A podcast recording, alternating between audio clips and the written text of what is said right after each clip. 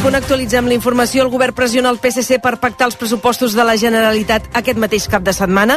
El president Pere Aragonès demana responsabilitat a Salvador Illa abans de la trobada prevista entre els dos líders per intentar segellar l'acord en les properes hores. Illa però manté les seves prioritats i avisa que el govern, que si no les accepta, haurà de buscar altres socis és la majoria de la població la que necessita avui que tenim l'oportunitat de posar tots els recursos disponibles, totes les eines al servei de la ciutadania. Aquesta responsabilitat també l'hem d'exercir. Quedat que ens veurem en algun moment si les, la proposta o oferta que fa la nostra formació política doncs és acceptada per eh, el govern de Catalunya doncs seguirem treballant i, i si no, el senyor Aragonès ha de buscar suports a altres formacions polítiques. No? Una de les qüestions clau que podria desencallar la situació és el futur de l'aeroport del Prat, una de les peticions del PSC que Esquerra està disposada ara a parlar. I el president espanyol Pedro Sánchez carrega contra les mesures antiavortistes del PP i Vox a Castella i Lleó. Diu que són un pas enrere en els drets de les dones i que el seu govern mai ho permetrà. A més, assegura que amb aquesta decisió ha quedat clar que els populars es dediquen a seguir els passos de l'extrema dreta. Y lo que está claro después de lo que hemos conocido en Castilla y León es que la derecha sabe qué camino ha tomado y es el que le marca la ultraderecha. Y nosotros respondemos clara, serena, pero firmemente. Con gobiernos socialistas lo que va a haber son avances en beneficio de las mujeres y ni un solo retroceso. El protocol entrarà en vigor demà passat, dilluns, i entre d'altres mesures inclou que els metges ofereixen la possibilitat a la dona d'escoltar el batec del fetus o una ecografia extra a partir de la setmana 6 de gestació. I un últim apunt en crònica internacional, gairebé 60.000 persones han mort a la Xina arran de l'explosió de casos de Covid en les últimes 5 setmanes. Ho han anunciat aquest matí les autoritats del país que asseguren que la pandèmia ha tocat sostre. Tot i això, la incidència encara és molt alta i en algunes ciutats com Beijing hi ha al voltant d'un 70% de la població contagiada. I d'aquí a poc més d'una hora el Girona rep el Sevilla, el Sevilla Montilivi, el Girona és 12è, el Sevilla és 17è, el Girona sense Tati Castellanos. Montilivi, Miquel Agut. Sense Date Castellanos i amb Cristian Estuani a dalt de tot. El mateix 11 que va jugar al camp de l'Espanyol amb dos canvis, el d'Estuani en el lloc de Tati i també l'entrada d'Oriol Romeu, que torna d'ascensió al mig del camp en el lloc de Ramon Terrats. O sigui, a la porteria Gazzaniga, Arnau i Miguel als laterals, Bueno i David López als centrals, per davant Oriol Romeu, Aleix i Ivan Martín, els més avançats a la dreta Toni Villa, a l'esquerra Riquelme, a dalt Estuani. Últims minuts del Manchester United 0, Manchester City 1. Queden 17 minuts més l'afegit i ja han jugat els dos equips de la primera divisió femenina els dos han guanyat. Sporting de Huelva 0, Barça 3 i Levante les Planes 1 a la B 0. I acabem amb el temps perquè Martí Olivera sembla que l'hivern ara sí que arriba de veritat. Exacte, a partir de demà entrem en un nou escenari, una fase d'hivern dur, plenament com no hem tingut fins ara encara, amb temperatures que seran les més baixes d'aquesta temporada, ambient gèlid al Pirineu, molt fred també a l'interior i algunes matinades veritablement fredes també arran de mar, a més acompanyades de vent aquestes baixes temperatures. De neu al Pirineu, una nevada que pot ser notícia, pot ser destacable, sobretot al vessant nord, Vall d'Aran i zones properes, i molt pendents també de la força del vent, que ja notarem demà als extrems del país, però que pot anar més entre dilluns i dimarts, un possible temporal de ventades molt fortes en zones menys habituades, com són les comarques de Barcelona. Les 3 i 3 tanquem el RACU migdia que hem fet la redacció d'informatius i d'esports amb el Marc Selva al control tècnic. A partir d'ara continuarem pendents de l'actualitat, els avanços informatius. Avui el Superesports arrenca a les 4 amb aquest Girona-Sevilla i a les 11 el tu diràs. Nosaltres tornem demà a les 2. Uh, ara us deixem amb el viatge bé. Bona tarda. RAC RAC 1 Aquest cap de setmana Superesports a RAC 1 amb Xavi Puig. Dissabte serem a Montilivi al Girona Sevilla. Viurem el duel català de la Lliga de Futbol Sala. Barça, Indústria Santa Coloma. Serem a Fontejau, al bàsquet Girona Bilbao de la Lliga ACB. I al Derbi Basc, Reial Societat Atlètic de Bilbao. Diumenge serem al Getafe Espanyol. Viurem l'Espar Uni Girona, Barça Sant Feliuenc de la Lliga Femenina de Bàsquet. El final del Dakar i la Gran Traca. La final de la Supercopa d'Espanya i el Tu diràs fins a la una de la matinada. L'Espanyol i el Girona Juga RAC1 són una gentilesa de CaixaBank i Estrella d'Am. RAC1. Tots som 1. Teniu la maleta a punt, oi? Perquè ara mateix sortim de viatjar. A RAC1. Viatge bé. Amb Esther Muñoz.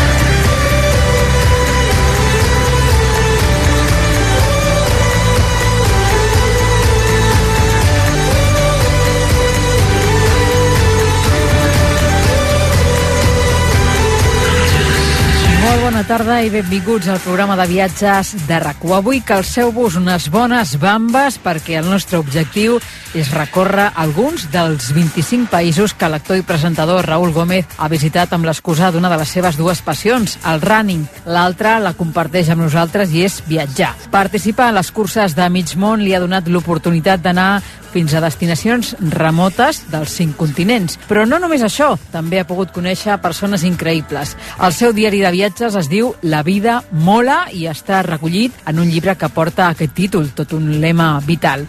Us convido a escoltar amb atenció les anècdotes que ha reunit en aquest exemplar i a prendre bona nota, no només dels llocs que ha descobert durant el seu periple de runner viatger, sinó també d'aquesta filosofia de vida tan particular. Però aquest no serà l'únic llibre que aquesta tarda us recomanarem parlarem. L'Helena Bernades, directora adjunta de la llibreria Altair, també ens ha preparat algunes lectures viatgeres interessants per aquests dies. I si viatgeu amb nens, no us perdeu l'en família d'aquest dissabte, la secció per viatjar amb nens i adolescents un cop al mes ens porta Maria Jesús Tomé, editora del portal tusdestinos.net. Avui anirem amb ella fins a Tarragona. Preparats? Doncs embarquem.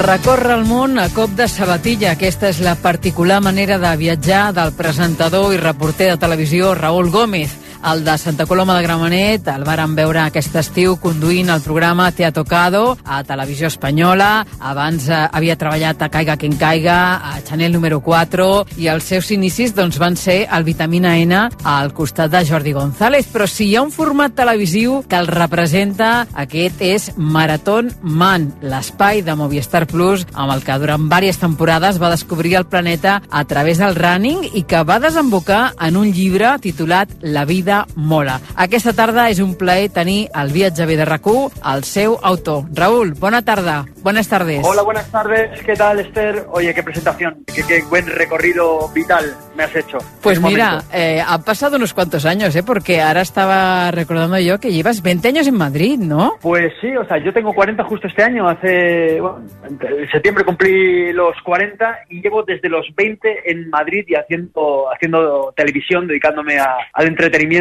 Y cómo pasa el tiempo, ¿eh? Impressionante, sí, sí. Jo, jo recordo, eh? Jo et recordo el Vitamina N amb el Jordi González, que a més a més que és la televisió del grup, amb el Rocco, que és company nostre d'aquí de la ràdio, amb la Marta Torné, amb tota la colla. Sí, la verdad que fueron, yo era, bueno, tenía 19 años cuando empecé a trabajar con ellos, yo estaba estudiando administración y dirección de, de empresas en esa época, tenía una vocación que era, siempre he sido un poco payaso, entonces aquí me dejaron ser todo lo payaso que, que, que, que quería ser y descubriendo pues un, lo que para mí empezó siendo un hobby, que era ser reportero, eh, me lo pasaba muy bien, pues ha acabado siendo una manera de vivir. Home. Tanto como el viajar y como el correr. I tant, és que has fet carreres, ara ho dèiem, no? Has treballat al Caga Quien Caiga, al Chanel número 4, a- ara, doncs fa uns mesos a Televisió Espanyola has estat presentant Te ha tocado, no? Per tant, la teva incursió al món de la televisió després s'ha convertit en una feina. Sí, la verdad es que esto, bueno, la televisión no es un camino de rosas, pero bueno, yo creo que no es un camino de rosas en general, nada. La televisión es una noria que eh,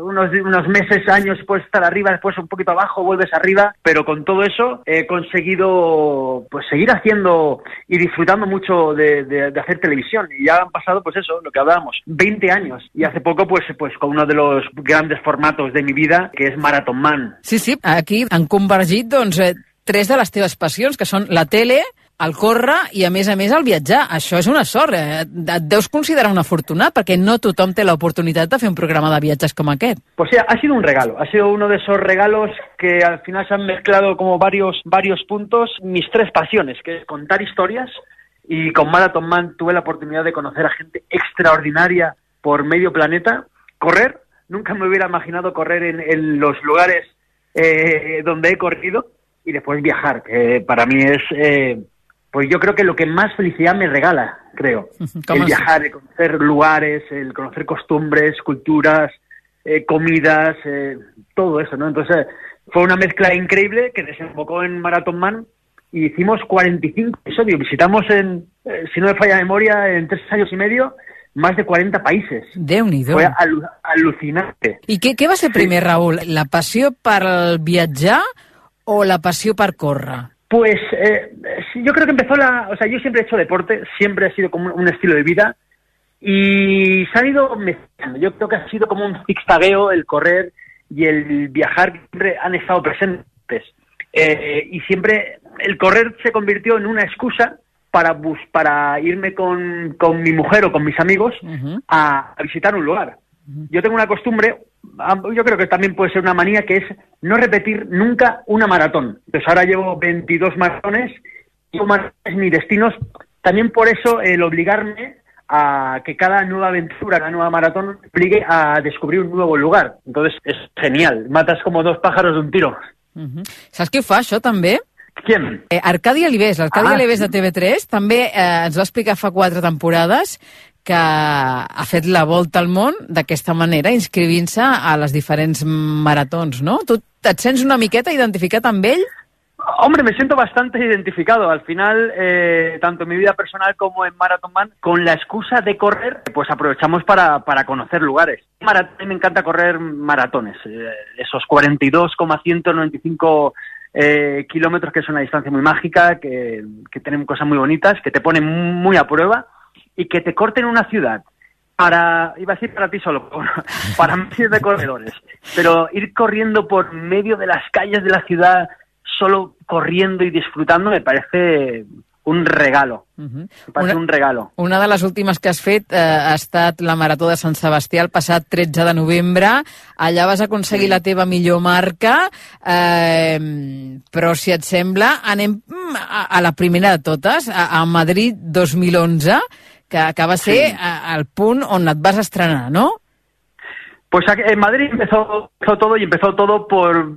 Yo creo que muchas veces como empiezan todas estas grandes cosas con un amigo que ya ha hecho una maratón y, que te cuenta lo bonito que es eh, lo que se siente cruzar una meta después de tanto esfuerzo, después de tanto entreno. Y yo que soy un disfrutón en general en la vida, dije, pues yo eso, esa sensación eh, quiero sentirla. Entonces, pues me apunté a la maratón de Madrid 2012 y, y la corrí. La hice, tardé cuatro horas y media. Me la tomé con calma, pero la, la quise disfrutar eh, mucho. Me dio tiempo para absolutamente de todo, ¿eh? Tejer una bufanda, hacer sudoku, o sea, me dio tiempo de todo y también me dio tiempo para saber que eso desde ese día se iba a convertir como un estilo de vida y que iba a seguir haciendo maratones hasta que el cuerpo aguante y por ahora el cuerpo va, va aguantando. Uh -huh. Ha canviat alguna cosa en aquests anys, no? Des de la Madrid 2011 fins a Sant Sebastià 2022. Mm, Té un altre sentit córrer per tu o té el mateix sentit? Pues eh, con algunas diferencias he ido eh, descubriendo un poquito más, eh, conociéndome más físicamente de lo que me conocía en 2011, entonces pues disfrutando un poquito más también del camino. Y Marathon Man también me regaló la posibilidad de viajar de una forma distinta que hasta ese momento pues no, no había viajado de esa manera. Yo siempre había viajado pues bueno a ciudades donde he ido pues yo que Londres, Berlín, París, pues muy de una manera muy pues como bueno pues como viaja cualquier persona digamos muy de turisteo, ¿no? Y Marathon Man me regaló la, oportunidad o la, la manera de viajar de otra manera que es como por la parte de atrás de las de los lugares, conviviendo con las gentes que allí viven, o sea, todo más más auténtico, tocar ese, esa autenticidad y que está alejada muchas veces pues de los grandes hoteles, de resorts y de la comodidad.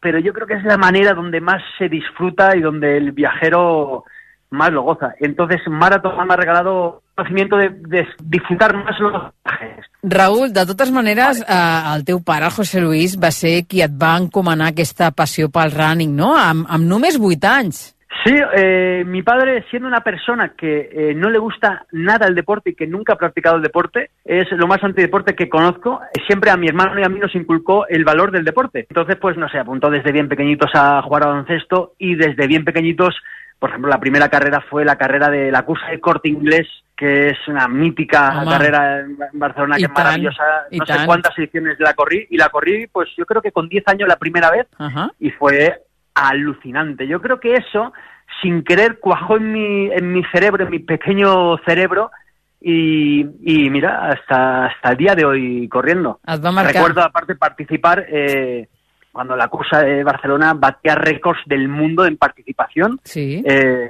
era, era exagerado y era muy bonito. Yo creo que alguna semilla de, de esos años, pues yo creo que aún, aún, aún quedan eh, a día de hoy. I tant. Tu també faràs córrer les teves filles o què? Pues sí, por ahora estoy solo intentando que crucen la meta conmigo. Por ahora cada meta que, que cruzo las engancho en los brazos en los últimos metros y cruzo, cruzo con ellas. Y bueno, poco a poco, pues también ellas van viendo, van, eh, van alimentándose también de ver a un padre que, que, Claro. que de vez en cada, cada poco sale y viene, viene de correr y también pues nos gusta mucho viajar con ellas, con Julieta, que era la más pequeña cuando tenía cuatro meses, nos la llevamos a, a correr la maratón de las cataratas Niágara, y fue un viaje de 24 Home. horas con esa pequeñaja, y fue su primera meta compartida conmigo, aunque ella no se enterarà, però tendrà fotos que lo demuestren. Doncs segur que tot Però això bueno. germinarà, ja veuràs com sí. Escolta'm, anem a, a, a voltar una mica pel món a través vamos llibre que vas treure l'any 2019, que realment el títol ja ho diu tot, no? Transmet molt, la vida mola, i que doncs, aquí relates totes aquestes maratons que has fet i que també doncs, eh, s'han pogut veure en aquest eh, programa de televisió que dèiem Marathon Man de, de Movistar Plus, que ara ja no el feu, no sé si hi ha previsió de fer-lo en un futur, de que torni, com està el tema? Pues nos tomamos un respiro justo eh, cuando nació Julieta y no, no me gusta decir de este agua un bebé, porque ahora ya que las que tengo la- las pequeñajas que ya que ya casi pueden vivir solas, a lo mejor es momento de volver otra vez a coger el pasaporte, a coger la maleta, a ponerme el traje de, de, de, de- Marathon Man y volver a, a las calles. O sea que mm, no está la puerta cerrada del todo. O sea, ojalá en un futuro eh, pueda volver a, a seguir corriendo, eh, contando historias como lo hice en, en Marathon Man. Y claro, después de esos tres años y medio, después de tantas carreras, tantos viajes, pues dije, es que ne- necesito, ne- te necesitaba la, el contarlo, contar lo que había vivido, lo que, lo que había sentido y a las personas que había conocido. Y escribí pues La vida mola, que es un grito de guerra, que aunque es verdad que aunque no, no es un libro bastante realista. O sea, yo digo La vida mola, pero también reconozco que la vida pues a, veces tiene momentos muy difíciles, muy muy difíciles, pero como en una maratón siempre hago ese símil, pues hay que seguir pasito a pasito, pasito, aunque a veces esos pasos cuestan mucho, pero bueno, creo que la vida es increíble, que tenemos siempre gente alrededor increíble y que tenemos un maravilloso planeta para descubrir i disfrutar-lo bocado a bocado. Mhm. Moments difícils com, per exemple, aquest mur del corredor que, que vas viure l'any 2015 i que relates al llibre a la Marató de Nova York, no? Què et va passar exactament, Raül? Pues eh, la maratón de Nueva York es esa, esa maratón que todo corredor cuando empieza a correr como que la tiene como el amor platónico runero, ¿no? Entonces pues conseguir en 2015 hacer un viaje hacia allí y la verdad es que Nueva York es alucinante, es un plato, el plato de televisión más grande de- del mundo y fue increíble. Lo pasé muy mal, la sufrí mucho, no sé si por falta de preparación o por tanta emoción que llevaba adentro y, y no lo gestioné bien, la sufrí tanto como la disfruté y la sufrí mucho. Uh -huh. Això veure el mur del corredor, què, què és exactament? Sí. Bueno, básicamente, si algún eh, oyente está escuchando y ha corrido maratones, pues lo sabrá perfectamente. Es a partir del kilómetro 30 más o menos, el cuerpo ya las reservas que tenemos de carbohidratos, todo lo que hayamos podido comer antes y siempre se recomienda comer mucha pasta, mucho pollo, mucho atún, todas las reservas eh, se van acabando. Entonces, si has sido muy rápido, si no has gestionado bien la comida, si no has ido alimentando un poquito en carrera, pues hay un momento que es a partir del kilómetro 30 que le llamamos el muro y es un momento donde el cuerpo no puede más, Uh -huh. pero no puede más de querer pararte o, o de tener que pararte y la cabeza acompaña y es una combinación tremenda donde lo más normal es que quieras abandonar, estás deseando abandonar, preguntándote, ¿qué hago yo aquí? Pero bueno, hay que seguir, hay que seguir. Y ese momentito, esa pájara, puede durar eh, unos kilómetros o muchos, pero bueno, al final yo por suerte nunca he abandonado ninguna carrera, pero es verdad que me, me, he topado con el, ese muro maratoniano unes quantes veces. Uh -huh. També a Estats Units, en aquest cas a Los Angeles, a Califòrnia, allà vas córrer la mitja marató de Carlsbad i, i vas Sí. coincidir amb algú que, que et va ensenyar un dels lemes de, de la vida, que és el títol que després li vas posar al llibre, La vida mola. Qui va ser? Sí, eh, Los Ángeles, hicimos una ruta por Los Ángeles, California, eh, maravillosa donde el final era correr una media maratón, la, media maratón de los héroes la llamaban, en Carlsbad, después de también correr eh, la milla de, en el parque de atracciones de Legoland, que también fue bastante interesante, pero bueno, en esta media maratón de Los Ángeles conocí a una mujer increíble, se llama Tonya Pitzel, siempre hablo de ella porque, como tú dices, es el, el germen de- del título. Con ella empezó la frase La vida mola y es una mujer, eh, madre de familia, tenía dos hijas, un marido increíble, una familia bien grande que la quería mucho y ella tenía, estaba pasando por un cáncer en, en cuarta fase de páncreas, lo- había pasado muy mal, pero su ilusión, la ilusión de su vida era correr una media maratón acompañada de sus amigos y de sus hijos y de su familia. Y fue ese día, fue el privilegio de poder vivirla a su lado, de ver cómo llegaba a la meta. Lo consiguió después de pasar un año muy difícil entrenando y corriendo y fue increíble. Ella pues lo estaba pasando mal y me enseñó que la vida, pues eso, que la vida a veces nos reparte unas cartas muy complicadas para jugar, pero que pese a todo, la vida mola. Eso es una frase que ella me dijo y se me quedó grabada a, a fuego.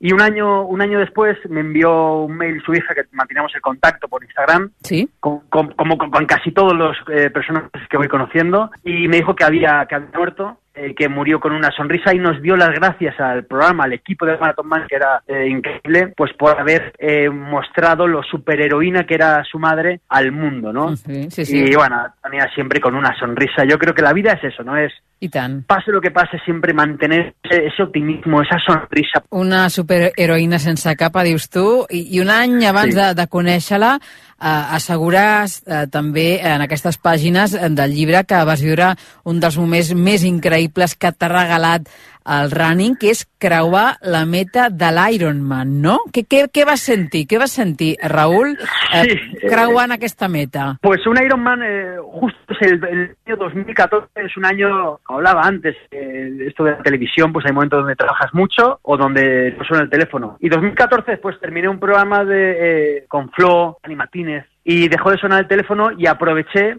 para mantenerme ocupado y dije, "Va, quiero ocuparme físicamente. Entonces me obligué a correr un Ironman. Pues eso fue increíble. Ironman, para quien no lo tenga muy claro, es eh, nadar 3,8 kilómetros, hacer 180 kilómetros en bici y después correr una maratón, 42 kilómetros. Fue quizá el día eh, donde más he sufrido de toda mi vida, porque desde el kilómetro uno co- de que salía a correr ya iba con tirones. Lo hicimos en Rote, en Alemania, un día con mucho calor, pero al final lo que muchas de las cosas que más esfuerzo te metes, más alegrías te regala. Y yo creo que si buscáis felicidad en Google, os, aparezco yo eh, entrando en la meta de ese Ironman. Ajá. Fue increíble, fue increíble. Es que el deporte, el deporte tiene algo. Y es como viajar, que cuando empiezas a viajar, dices, es que esto es increíble. Sí, sí, no, no pots parar, no pots estar al lloc, eh? has d'estar constantment sí. movent-te'n. Aquell mateix any, Raül, també vas tenir l'oportunitat d'anar al desert del Sàhara. Què, què recordes d'aquell Sí. lloc i d'aquella experiència? Pues por suerte he ido a Marruecos muchas veces con diferentes formatos y he podido recorrer Marrakech, he podido recorrer el, el- el desierto muchas veces y tiene algo mágico, tiene algo magnético el, el- el desierto, las dunas, esa inmensidad visual. Y una de las cosas más espectaculares que hice en Marruecos es en las gargantas de Todra, es unas paredes verticales increíbles donde Sí. hicimos una escalada vertical que duró dos días. La prim- el primer día es- escalamos hasta 250 metros y nos quedamos a dormir. Instalamos como una hamaca a 150 metros en esa pared del suelo y dormimos a esa altura y fue pues espectacular mirar hasta al cielo y esa sensación de estar colgado, nunca mejor dicho, y al día siguiente despertarse y seguir escalando hasta hasta los 250 metros de altura. Para mí fue una, una experiencia de esas de, de, de guardar bien Única. fuerte eh, bajo bajo llaves. sí. Sí, sí, totalment. I a Kènia, perquè a Kènia també eh, vas fer vas anar-hi per fer una docusèrie de Marathon Man, no? Com va ser aquell moment a, a, a Iten? Pues mira, Kenia eh, es el primer programa que hacemos en, en Marathon Man. En Kenia, Etiopía, están la- los seres humanos más rápidos del mundo en largas distancias. Entonces fuimos al origen, eh, donde entrenaba, pues por ejemplo, Kipchoge. Y fuimos eh, a ese lugar, Iten, eh, de, de Home of Champions. Eso, hay una bandera enorme cuando entras.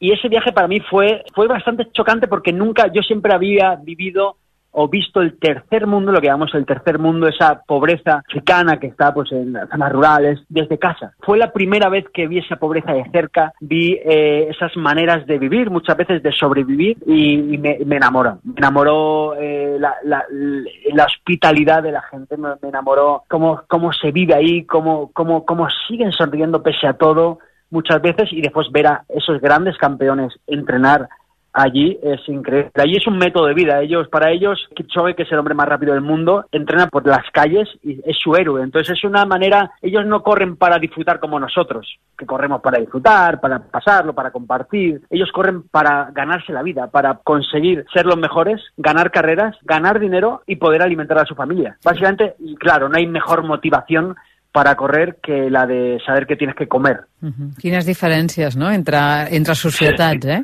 Escolta'm, i parlant de persones, vas tenir també l'oportunitat de conèixer les corredores nepalís. Al Nepal vas pujar al sostre del món, a l'Everest. Et va impactar, Raúl?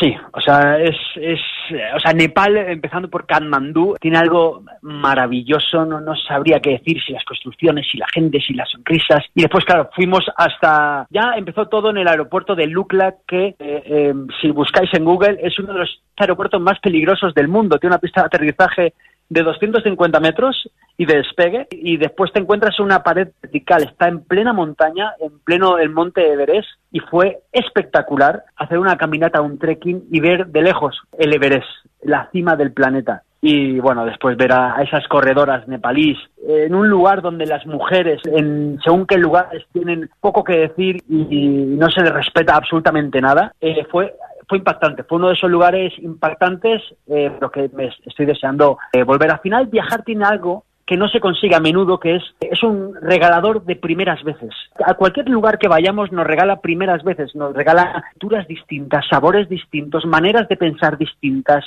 Sí, olores distintos, y eso, eso no se consigue en el día a día. Da igual que vayamos lejos o cerca, ¿verdad? que cuanto más lejos, más contrastes y más increíble la experiencia, pero es un regalador infinito de cosas bonitas. Uh -huh. Solo hay que ir con los ojos muy abiertos i con, lo, i con los oídos muy abiertos. Sí, sí, eh, s'ha d'anar molt d'espera. Abans ens, ens explicaves d'aquesta persona que et va marcar tant, la Tònia Petchel, però, per exemple, eh, també has eh, pogut eh, conèixer altres persones importants, persones extraordinàries, dius tu, com el millor marxador israelí de la història, un supervivent de l'Holocaust jueu i de la massacre de Munic, dels Jocs Olímpics del 72. Això va ser a Betlem, Sí. davant del mur de Cisjordània, també, no?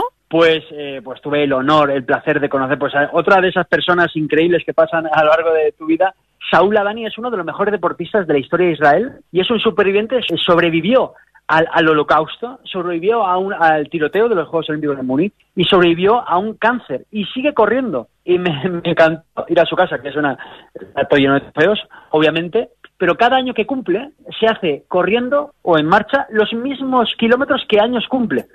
Y creo que hace, creo que cumplió 74 años eh, cuando me conocí. Se había hecho 74 a- kilómetros hace unos meses. O sea, es increíble y tuve el placer que me acompañó a correr en la carrera a menos altitud de la historia eh, de- del- del mundo, que está al lado del Mar Muerto, eh, a menos 440 metros debajo del nivel del mar. Alucinante. Extraordinari, extraordinari. Y una semana después cruzamos el muro y vimos otra realidad de, de- del otro lado del muro. Estuvimos en Belén y vimos cómo el muro ha roto vidas, cómo ha separado eh, familias y cómo hay personas que lo están pasando muy mal con esa separación y corrí la maratón por, por sus calles y por el muro y bueno, fue una de esas experiencias duras e interesantes.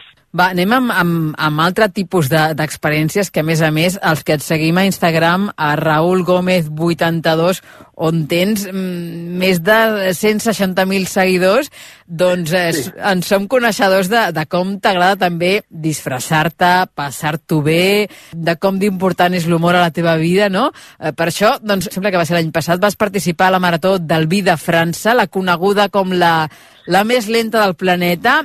A mi m'agradaria, Raül, Sí. que ens expliquessis de què anaves vestit i on va ser això, va. Pues eh, sí, me gusta mucho el cachondeo. Por encima de todo me gusta el cachondeo, la risa y la tontería. La alegría, la alegría, la alegría de viure. La alegría de celebrar y de compartir. Pues esto fue eh, una maratón que yo recomiendo fuertemente a todo el mundo que le guste correr. Es la maratón de Doc y se corre por los eh, chatos burdeos. Es la maratón más divertida del planeta porque, eh, para empezar, tienes disfrazado. Cada año hay una temática. Entonces, el año que yo fui, la temática era los cuentos. Y yo me disfracé de Blancanieves. me faltaban los siete enanitos, pero como la mayoría de, la- de las personas estaban de Blancanieves, siete enanitos había por todos los pueblos. Y la peculiaridad es la más larga del mundo porque te hacen cruzar chatos, que son los viñedos eh, de, en Burdeos, y cruzas durante el maratón 23 chatos. Y en cada chato te dan su vino. Aparte del vino, bueno, también hay agua, queso, hay orquesta en cada chatón. Cada vez que hay agua y vino es como una, una fiesta de pueblo. Y entonces pues hay una alegría, hay un chato, te paras, bailas, hay un lago que yo me metí a nadar un poquito. O sea, es un cachondeo total. A mí que me gusta el cachondeo, pues por eso es una de mis favoritas. Sí, sí. Te van dando barra libre de ostras, barra libre de carne a la brasa, barra libre de maíz asado, helados. O sea, es maravilloso. Y cuando terminas, aparte de la medalla, otra cosa que es maravillosa, solo por eso hay que ir, te dan una botella de, de alguno de los chatos Ah. para que te lleves, para que te hidrates, eh, por si aún no, no te has quedado con ganas de más vino, pues más vino. No em vull ni imaginar la imatge, no? La imatge final de tots els Sí. corredors. Aquesta també la va córrer l'Arca- l'Arcadi Alivies, me'n recordo que ens ho va explicar. Claro, es muy divertida. Yo tardé seis horas y media. Eh, es verdad que al final hay que correr una maratón, pero bueno, ahí la el correr queda un segundo plano, hay que ir preparado, pero hay que esas de esas carreras para compartirla con amigos, con tu pareja y al final es eh, que al final todos los que corremos, al menos yo que corro, eh, yo nunca he ganado una carrera, nunca voy a ganar una carrera, entonces lo que intento es pues disfrutar lo máximo en cada carrera. Clar, clar, l'important és participar. Escolta'm, en queden molt poquetes ja localitzacions, però mm, vull que em donis un titular d'aquestes que tinc. Per exemple, Vinga. eh, convocatòries dures com el cruce als Andes, eh, els Andes eh, xilens, argentins, Sí. allò va ser complicat també. Eso lo pasé muy mal. Es una etapa que preciosa, es un trail de montaña donde haces tres etapas y corres 100 kilómetros en tres etapas y recorres los Andes argentinos pasando un día Chile y volviendo. Y es una de esas carreras que puedes correr en solitario en pareja, pero que cuando vuelves tienes duermes en, en tiendas de campaña y te están preparando todos los días el recovery es un asado argentino. Entonces, pues estás deseando llegar para empezar a, a comer.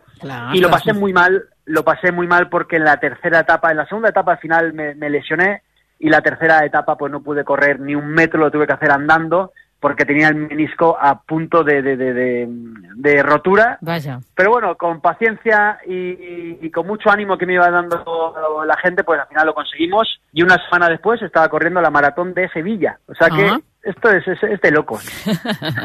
Has estat també a, a Etiòpia, allà vas conèixer la tribu Hammer, eh, i també has estat a, a la de la Chicago, que, que aquesta és molt especial perquè aquesta l'has fet amb la Sandra, amb la teva dona.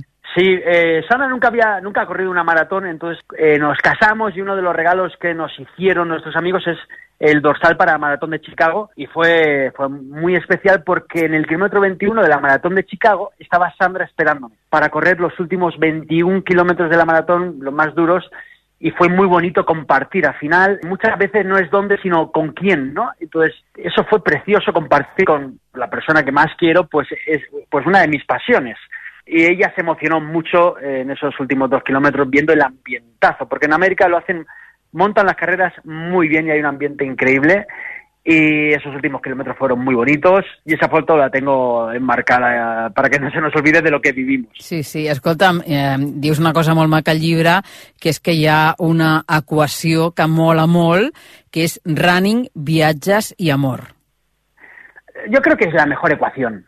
Al final, creo que todos buscamos pasar un buen ratito, el, pues eh, ser felices y compartir. La vida, si no se comparte, al final es, es, es poca cosa.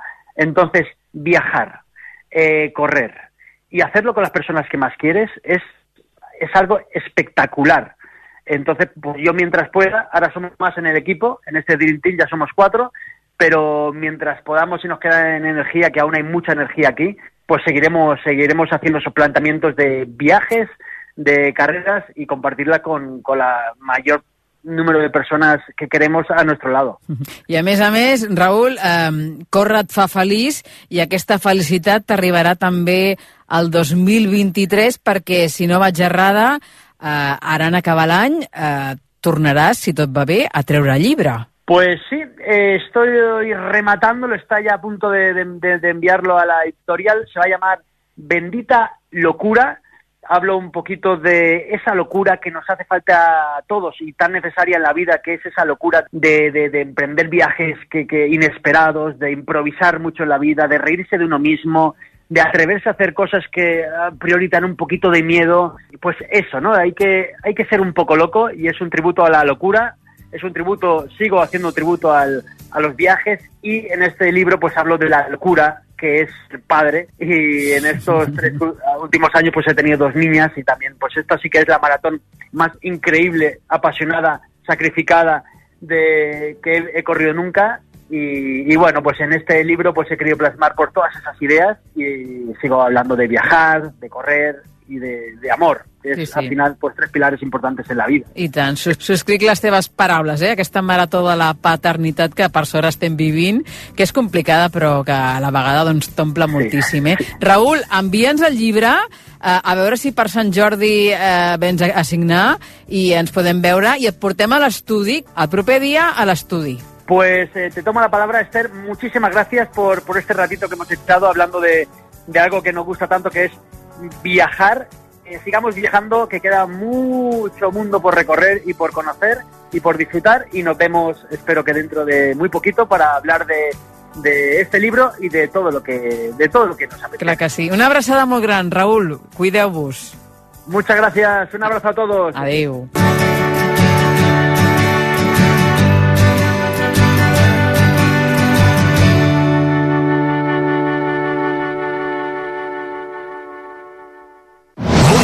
Deportivo amb la Copa CEP.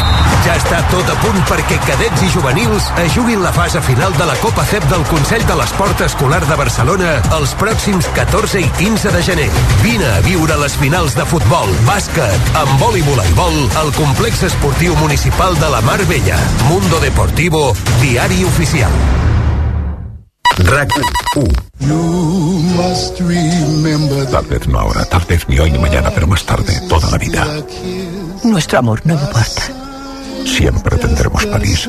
No lo teníamos, lo habíamos perdido hasta que viniste a Casablanca. Pero lo recuperamos anoche. Aquest diumenge a les 8, un clàssic, des d'una hora abans, a rac Fot-li pou, amb el suport de CaixaBank i Estrella d'Am. RAC 1. Tots som 1. RAC 1 Coneixeu la profecia del déu azteca Xuclamelamol, fill de Nola Xuclistan? Diu així. A les 12 del migdia, de dilluns a divendres cada dia, un tal Andreu i un tal Dalmau sortiran plegats el cau. La competència. De 12 a 1 amb Òscar Andreu i Òscar Dalmau. El cau s'ha d'interpretar com la ràdio, que encara no s'havia inventat, estava a punt d'inventar-se, faltaven uns segles. Misteris de so. RAC 1. Tots som 1. RAC més 1, podcast. RAC més 1 presenta... Senyores i senyors, benvinguts a l'escorxador de RAC més 1. Des de la sala Cotton Club de Casino Barcelona, amb tots vosaltres, Guillem batalla dialèctica sense miraments entre la gent de RAC1. Tenen 3 minuts per dir-se totes les barbaritats que vulguin. Toni Clapés i Marcelí Virgili. Aleix Pariser i Marta Ramon. Martí Oliveres i Abel Caral. Vicenç Martí i Lavano. Albert Bermúdez i Armand Marvalle. Guillem Estadella i Albert Buscarón. I un jurat de luxe per decidir el guanyador. Et voto a tu, Pariser, per pena.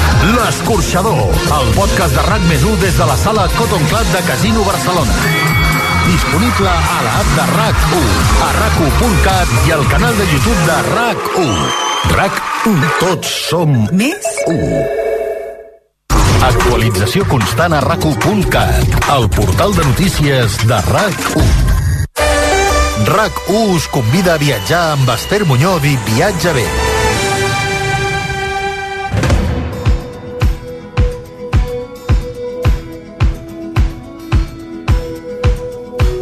Ja ens trobem a la llibreria Altair de Barcelona, a la Gran Via de la Ciutat Comtal. Avui hi anem doncs, per repassar quina és l'oferta de llibres infantils. Helena, bona tarda. Molt bona tarda. Els llibres més demandats aquests dies també, llibres per les criatures. I tant, canalla se n'ha de fer contenta. I els petits lectors poden venir al taller, que tenim un munt de temàtiques i un munt de seccions per ells. Clar, clar, i els animem no només a llegir, sinó també a viatjar, que també està molt bé. I tant, perquè al final un llibre és un viatge. I nosaltres tenim una petita secció que és de petits viatgers, on trobem diferents atles temàtics, perquè a vegades els atles els tenim coneguts i molt catalogats com a un conjunt de mapes cosits dins d'un llibre. Però eh, hi ha atles temàtics infantils que són molt xulos i dels quals us en volia presentar dos. Un d'ells es titula Viatjar sense pressa, que el publica l'editorial Flamboyant, i és un viatge de 40 rutes pel món, a peu, en bicicleta, en tren, en vaixell, on a través d'aquestes grans rutes del món o grans travessies coneixem diferents racons del món amb calma, perquè el títol ho diu, sense pressa, i apreciant tots els paisatges, la història, les anècdotes i els, les persones que ens trobem al llarg d'aquest viatge. Hi ha rutes tan emblemàtiques com la del Transsiberià, altres que són les rutes en vaixell de mercaderies, altres que són creuant en bicicleta vies verdes per Europa, i són un atles que ens permet fer un viatge amb els més petits de la casa, on el més important és el viatge en si, no el destí. Mhm. M'agrada molt aquest títol, eh? Viatjar sense pressa, això ens ho hem d'aplicar en el dia a dia, no? També viure sense pressa, eh? La veritat és que també. Qui ha escrit aquest llibre, Viatjar sense pressa? Aquest llibre el va publicar Cal Honoré i l'ha traduït eh, l'editorial Flamboyant des de fa ben poquetes setmanes que és a les llibreries, tant en català com en castellà el podreu trobar. Fantàstic. És a dir, per totes les lectures i per tots els lectors. I el segon atles temàtic, Helena, quin és? Aquest segon llibre podria ser perfectament un conte. Nosaltres el cataloguem com a atles perquè és un viatge. Es titula Els viatges extraordinaris de l'Àxel. És un llibre publicat de la mà de Librux. L'editorial Librux publica unes meravelles infantils que val molt la pena. I el llibre versa de l'Àxel, que és un apassionat explorador i encuriosit per tot, que viatja de la mà de la seva gata, un ocell i una amiga. I ens porten a descobrir paisatges com l'espai, el fons marí, inclús les ciutats del futur. I a cada un d'aquests llocs ens explica què hi troba, amb les seves peculiaritats, ens explica anècdotes, ens explica també què amaga cada un d'aquests ra- racons. Des de, per exemple, eh, què hi fan els robots a Mart, com ens envien la informació, o com s'ho faran els humans del futur per cobrir les taulades de vegetació per poder respirar en les ciutats del futur. Inclús també viatja a la selva i ens explica doncs, per què els castors són grans arquitectes a les preses i amb les seves branquetes. Llavors és un llibre per aprendre molt sobre el món, sobre les diferents particularitats i les diferents curiositats, des de la vista d'un nen viatger, que permet molt aquest diàleg amb els pares i jo crec que pot entaular grans converses. Per això el cataloguem nosaltres com a Atlas, però també podria ser perfectament un conte. Fantàstic, va. Hem repassat els atles, però també tens propostes de contes infantils. Sí, perquè bueno, per festes ens arriben un munt de novetats infantils i la veritat és que tenim molts títols molt llaminers i la tria se m'ha fet bastant difícil. Us en porto un que és d'una autora que a mi particularment em té enamorada, la Rocío Bonilla, publicar de la mà de Flamboyant un, bueno, un, un conjunt de llibres que ja n'hem parlat altres vegades, com Gràcies o el llibre del superpoder, i en aquest cas ens presenta I si se'n menja una balena.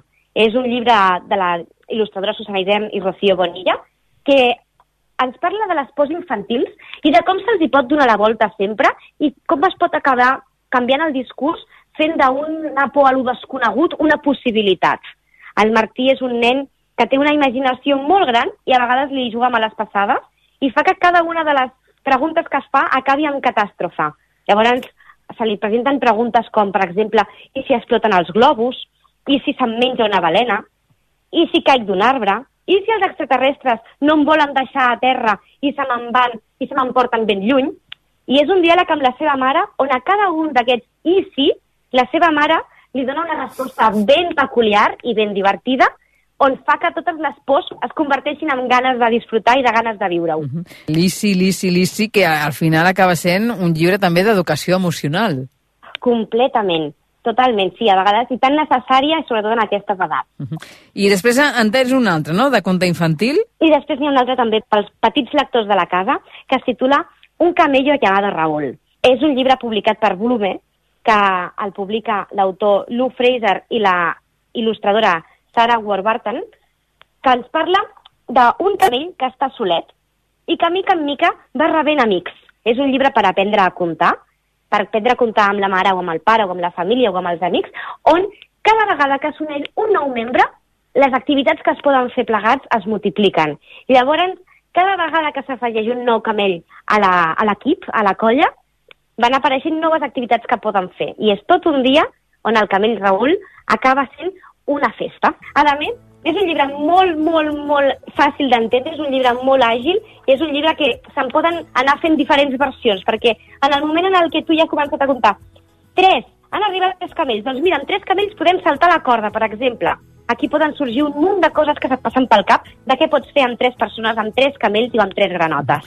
Quina bona oferta la que avui ens ha portat l'Helena Bernades des de la llibreria Altair, eh, una oferta que podem ampliar eh, si visitem eh, les vostres instal·lacions i, a més a més, eh, si mirem amb tota mena de detall les vostres prestatgeries. Eh, Hi ha molt més on escollir. Helena, gràcies per tota la informació que ens has donat i anem parlant aquests dies. Que vagi molt bé.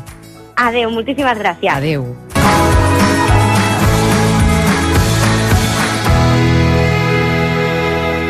I ara Vueling ens porta volant al Club Viatger. Descobrim quines són les últimes novetats sobre viatges.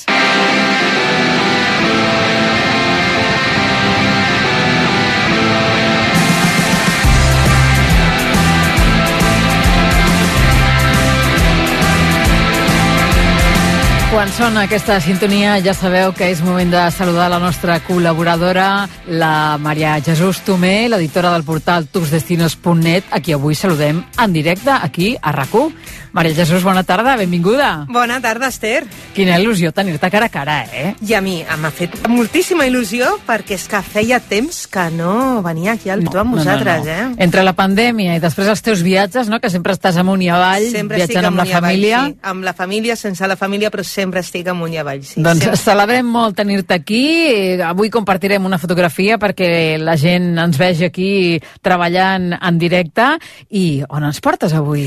Doncs mira, avui no farem gaires quilòmetres perquè us porto a fer un recorregut en família per Tarragona per descobrir la Tarracó romana i alguns indrets més molt interessants. Doncs mira, t'he de dir que em sembla molt bé, eh? perquè de vegades eh, ja ho diem això, no? que tenim coses a tocar que estan molt i molt bé, que no les coneixem, i aquesta és l'oportunitat de conèixer Tarragona, una ciutat que la, que la tenim res, eh, a poc més de 100 quilòmetres. Des de Barcelona són 100 quilòmetres, sí.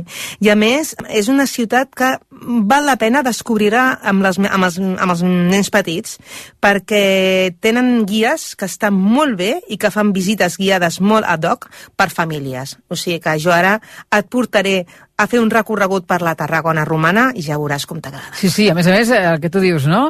Posant en valor la figura del guia professional. Del guia professional que, la veritat, quan tens un guia que ho fa bé, que sent la seva feina i que sap transmetre als nens, això s'agraeix moltíssim. En el cas de, de Tarragona, jo vaig tenir una noia que es diu Georgia, que deu estar acostumadíssima a fer recorreguts amb nens, perquè va aconseguir que mantinguessin l'atenció.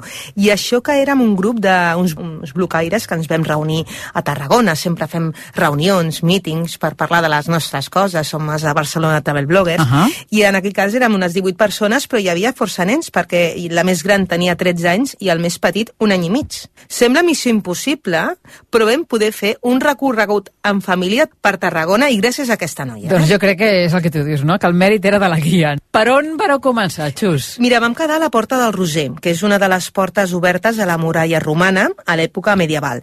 I des d'aquí tu tens dues opcions. Pots fer el passeig arqueològic o entrar directament a la ciutat. El que vam fer abans d'entrar és vam seure als jardins al Camp de Mar, on la guia ens va explicar com era la Tàrraco romana i com estava distribuïda la ciutat. Tu tingues en compte que era una ciutat que va arribar a tenir 40.000 habitants, o sigui que en aquella època eren moltíssims habitants. Després ens vam adreçar a la muralla. A més, els romans una altra cosa no, però enginyers eren uns enginyers excel·lents. I aquesta muralla té 2.000 anys. I mira que han passat i hem sofert conflictes bèl·lics, eh, combats, guerres, batalles, de tot, i encara hi és. Encara hi és I aquesta molt bon muralla. estat. I en molt bon estat. Molt ben conservada. Molt ben conservada. De fet, hi ha un lloc a la muralla que a mi em va fer molta gràcia, que es pot veure l'impacte d'una bala de canó de la guerra del francès. Imagina't. Mm, de la Guerra del Francès. Imagina't si és una muralla ferma que no ha caigut fins i tot a les bales de canó. Sí, sí, és, és un detall que t'ho fa veure, no, això? I després cap, cap a on us varen portar? Mira, la Després primera la parada així important que vam fer, eh, vam seure a les escales eh, que donen cap a la catedral de Tarragona, ja ens van explicar mil i una històries. Aquesta catedral està situada on abans hi havia el temple d'Octavi, que era un temple doncs, de, de fa 2.000 anys. Hi havia, se sap que hi havia una escultura gegant d'uns 8 metres i es sap perquè es va trobar un fragment d'aquesta escultura. Concretament, es va trobar una falange d'un dit, d'unes dimensions, bé, mm, grans. Llavors es va fer un càlcul, i llavors se sap que aquesta escultura feia 8 metres per les dimensions de la falange. Aquesta troballa està al Museu Arqueològic de Tarragona, al Menat, que a més acull altres peces trobades a la Tàrraco romana. També és una visita molt interessant. Jo no la vaig fer, però és complementària perfectament amb el que jo vaig fer aquell dia a la Tàrraco. El que passa que als nens potser és massa per ells, no? O què? Sí, a veure, tampoc se'ls ha de donar tanta canya. O sigui, que està bé fer una visita guiada, fer una visita històrica a restes arqueològics, però potser, doncs, en lloc de fer-ho en un dia, podem fer en dos dies, no? O sigui, Exacte. I després portar-los a fer un passeig per la platja, a prendre un gelat. Tampoc hem de uh, posar-los un...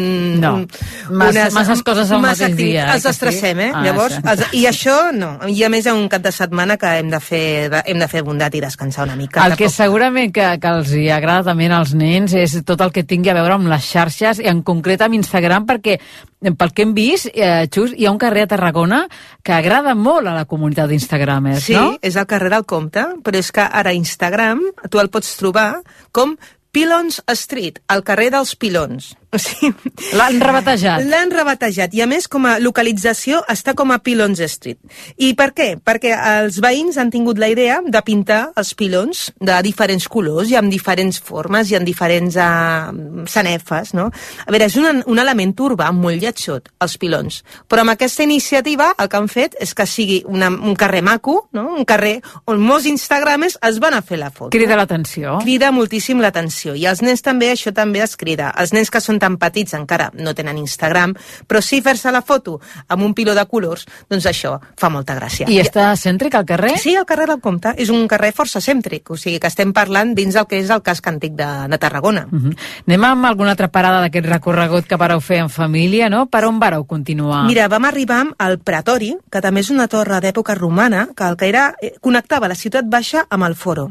I després vam visitar, per mi, la visita que més em va agradar va ser el circ. I aquí vam al·lucinar força perquè hi ha llocs que estan molt ben conservats. I per una senzilla raó. O sigui, el circ no està complet, òbviament, perquè tenia unes dimensions enormes i cabien 25.000 persones. O sigui, Tu imagina't 25.000 persones en un circ per veure les carreres de quàdrigues i de vigues. Um, està molt ben conservats perquè en lloc de fer-se només amb pedra, es va fer amb una espècie de ciment i pedra. Llavors, què va fer? Que quan va arribar el declivi de l'imperi romà, la gent no va robar les pedres per construir les seves cases, sinó que es va quedar tal qual. Mm. Es va degradar, òbviament, però la part que es conserva, la veritat que està molt ben conservada. S'ha mantingut, també, S'ha mantingut mantingut. molt bé. I si hagués estat fet de pedra, segurament el circ no el coneixeríem com està ara i seria com el teatre. El teatre, per exemple, no està tan ben conservat, el Clar. teatre romà de, de Tarragona. Uh -huh. Era el que et deia, un edifici molt gran, on tenien lloc les carreres de vigues i quàdriques, com les que de Ben Hur, saps? A, Com la de la pel·lícula, eh? Això mateix. I tenia 50 portes d'accés. Mm? 50 portes d'accés per entrar, per on entrava la gent, imagina't, i a més eren portes molt altes, d'una alçada, a veure, ara mateix no sé la- l'alçada exacta, però potser t'estic parlant de 5 metres. Vam entrar per una, que es conserva, i realment, el que et deia, té una alçada impressionant, i també vam anar per un dels túnels per on es movia la gent que hi treballava al circ, perquè allà Mhm. la gent també hi havia els treballadors que tenien una, uns altres camins que no era la gent del públic. Sí? I les carreres eren veritables espectacles. Se sabia que la gent es vestia del color del seu auriga preferit, del pilot, del conductor de la, de la quàdriga, no? Hi havia aficions. Uh, també uh, la gent menjava, o sigui, s'han trobat restes de closques de pipes, de llavors de fruites, de petits ossos d'animalons... Hi havia una botiga de souvenirs, les Tavernae, el, estaven ubicades als laterals del circ i allà la gent també hi comprava souvenirs. O sigui que estem parlant d'un espectacle en tota regla. Això fa 2.000 anys a Tarragó. Uh -huh, que era no, no només era el circ, sinó tot el que l'envoltava. Sí, exacte, perquè al costat del circ, una miqueta més avall, també eh, trobem l'amfiteatre. L'amfiteatre eren on lluitaven els gladiadors i on també tenien eh, lloc espectacles amb animals. Gràcies a la guia, a la, a la noia, a la Geòrgia, els nens van aprendre que els gladiadors rarament lluitaven amb mort, perquè era gent que eren professionals i valien molts diners i clar, òbviament, quan hi havia algun gladiador ferit, el portaven a la infermeria i no el deixaven allà morir. I també una altra cosa que a mi em va fer molta gràcia és que eh, tampoc es feia el signe del polze cap a dalt i, po i el polze cap avall per Això dir... no es feia, no? Això no es feia. El que realment es feia, que es creu que es feia, era que s'aixecava el braç per salvar-lo o es abaixava per dir que, que, no, que no continuava. Per què? Perquè des de, diguem, des, del, des, de la, des de la sorra no es podia veure exactament si el polze Val. estava cap a dalt o cap a baix. Mhm. Era molt difícil de veure. Clar. En canvi, aquest signe, aixecar el braç o abaixar-ho, Era això més- sí que més evident, no? Molt més evident. Són les grans mentides que han arribat a través del cinema. Clar, de l'altra manera, amb el dit no, no podies apreciar-ho. Clar, això, per exemple, jo me'n recordo de Quo Vadis, el, el Peter Ustinov fent de Neró, com baixava el polze així, amb cara de boig, no?, per dir, tu, doncs tu no, no segueixes, no? Tu a morir. A morir, exacte. Però són mentides que han arribat a nosaltres i que gràcies doncs, a aquestes explicacions de gent que es guia, que té una formació, doncs a, a, trobem que són molt interessants. I al final de la visita, com, com, com va ser? Mira, nosaltres al final de la visita ens vam anar a l'aquaducte de les Ferreres, que tu i molta gent el coneix com el Pont del Diable, que és, diguem, l'obra capdalt de l'enginyeria romana del segle I que era l'aquaducte que portava a Tarragona l'aigua del riu Francolí. Ara només es conserva una part. Per veure, una part que era, té mides importants perquè fa 27 metres d'alt i gairebé té 2 metres d'ample. Uh, estàs a fores de la ciutat de Tarragona i tu saps que es veu des de l'AP7, doncs tens inclús una, una sortida per veure a l'aqueducte de les Ferreres al Pont del Diable. Però també jo recomano que des de baix, a pots aparcar, hi ha un pàrquing que tu pots anar a peu, trigues uns 5 minuts, el veus des de baix, pots pujar per uh, l'aquaducte i el pots travessar. I a més és una visita que pots fer per nens perquè l'aquaducte està molt protegit. Fa dos metres d'ample i a més té uns murs molt alts i cap nen podria caure en aquell moment no? per, per travessar-ho. Però és una visita també molt impressionant i que també recomano doncs, per veure en una visita a la Tarraco Romana. Quanta estona veu estar un matí? Mira, tot això ho vam fer en un matí. Eh, Vam estar com unes 5 hores i vam dinar a Tarragona. O sigui que va ser una jornada completa. Tot el dia també per nens, el que et deia, tampoc cal Massa intens, eh? matxacar-los massa. O sigui, és una sortida que pots fer en un dia i que la veritat és que els nens aprenen i tu també aprens i tu passes molt bé. Sí, sí, després, escolta, a la tarda, després de dinar, una passejada per alguna de les platges que té Tarragona, no? Sí, una per passejada, complementar. exacte, una passejada per les platges o bé doncs, una passejada per la Rambla. O sigui, eh, això doncs, eh, es pot complementar perfectament, fer una miqueta d'his- d'història, a fer una miqueta doncs, de a ciutat doncs, a més ur urbana, no més urbanita. Mhm. Això es pot complementar molt bé. Tarragona, una ciutat que la tenim a, a tocar, que la veritat és que ens ofereix molts atractius eh, turístics. Fa uns dies, eh, Xus, coincidíem tu i jo en una presentació eh, de turisme on hi havia el seu alcalde, en Correcte. Pau Ricomà, Sí. que a més a més ens va dir que, que ens seguia, que coneixia el programa, que eh, podíem fer tota mena de continguts, que estava a la nostra disposició, vaja, així que li prenem la paraula i, escolta'm, el proper dia podem ampliar una miqueta eh, la informació, si et sembla, sobre Correcte, aquesta és que ciutat. Tarragona és ciutat patrimoni de la UNESCO. Això no ho he dit i és molt important aquesta dada. O sigui, té un patrimoni impressionant. Va ser, va ser en aquest acte, en l'acte de presentació de les ciutats eh, Patrimoni de la Humanitat, de, la, de eh, una, una organització a la qual pertany Tarragona, on es va parlar de la ciutat i per això, doncs, escolta'm, si et sembla, doncs el proper dia en podem tornar a parlar. Podem tornar a parlar Sí? i parlaré de més coses que més interessants encara que hi ha a Tarragona. I a l'estudi, Xus. I a l'estudi. Esclar que sí. T'esperem a l'estudi ja, eh? Molt bé. Vinga, Adéu. que vagi bé, adéu.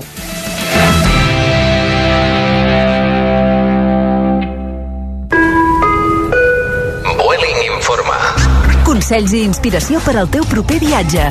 Troba la teva destinació ideal. Sol i platja, natura i rural, urbana i cultural. En família, Vueling et porta a ciutats d'Espanya, Europa, el nord d'Àfrica i el Pròxim Orient. Visita el web o l'aplicació, tria la destinació i cerca els vols que et vagin millor. Inspira't amb Vueling.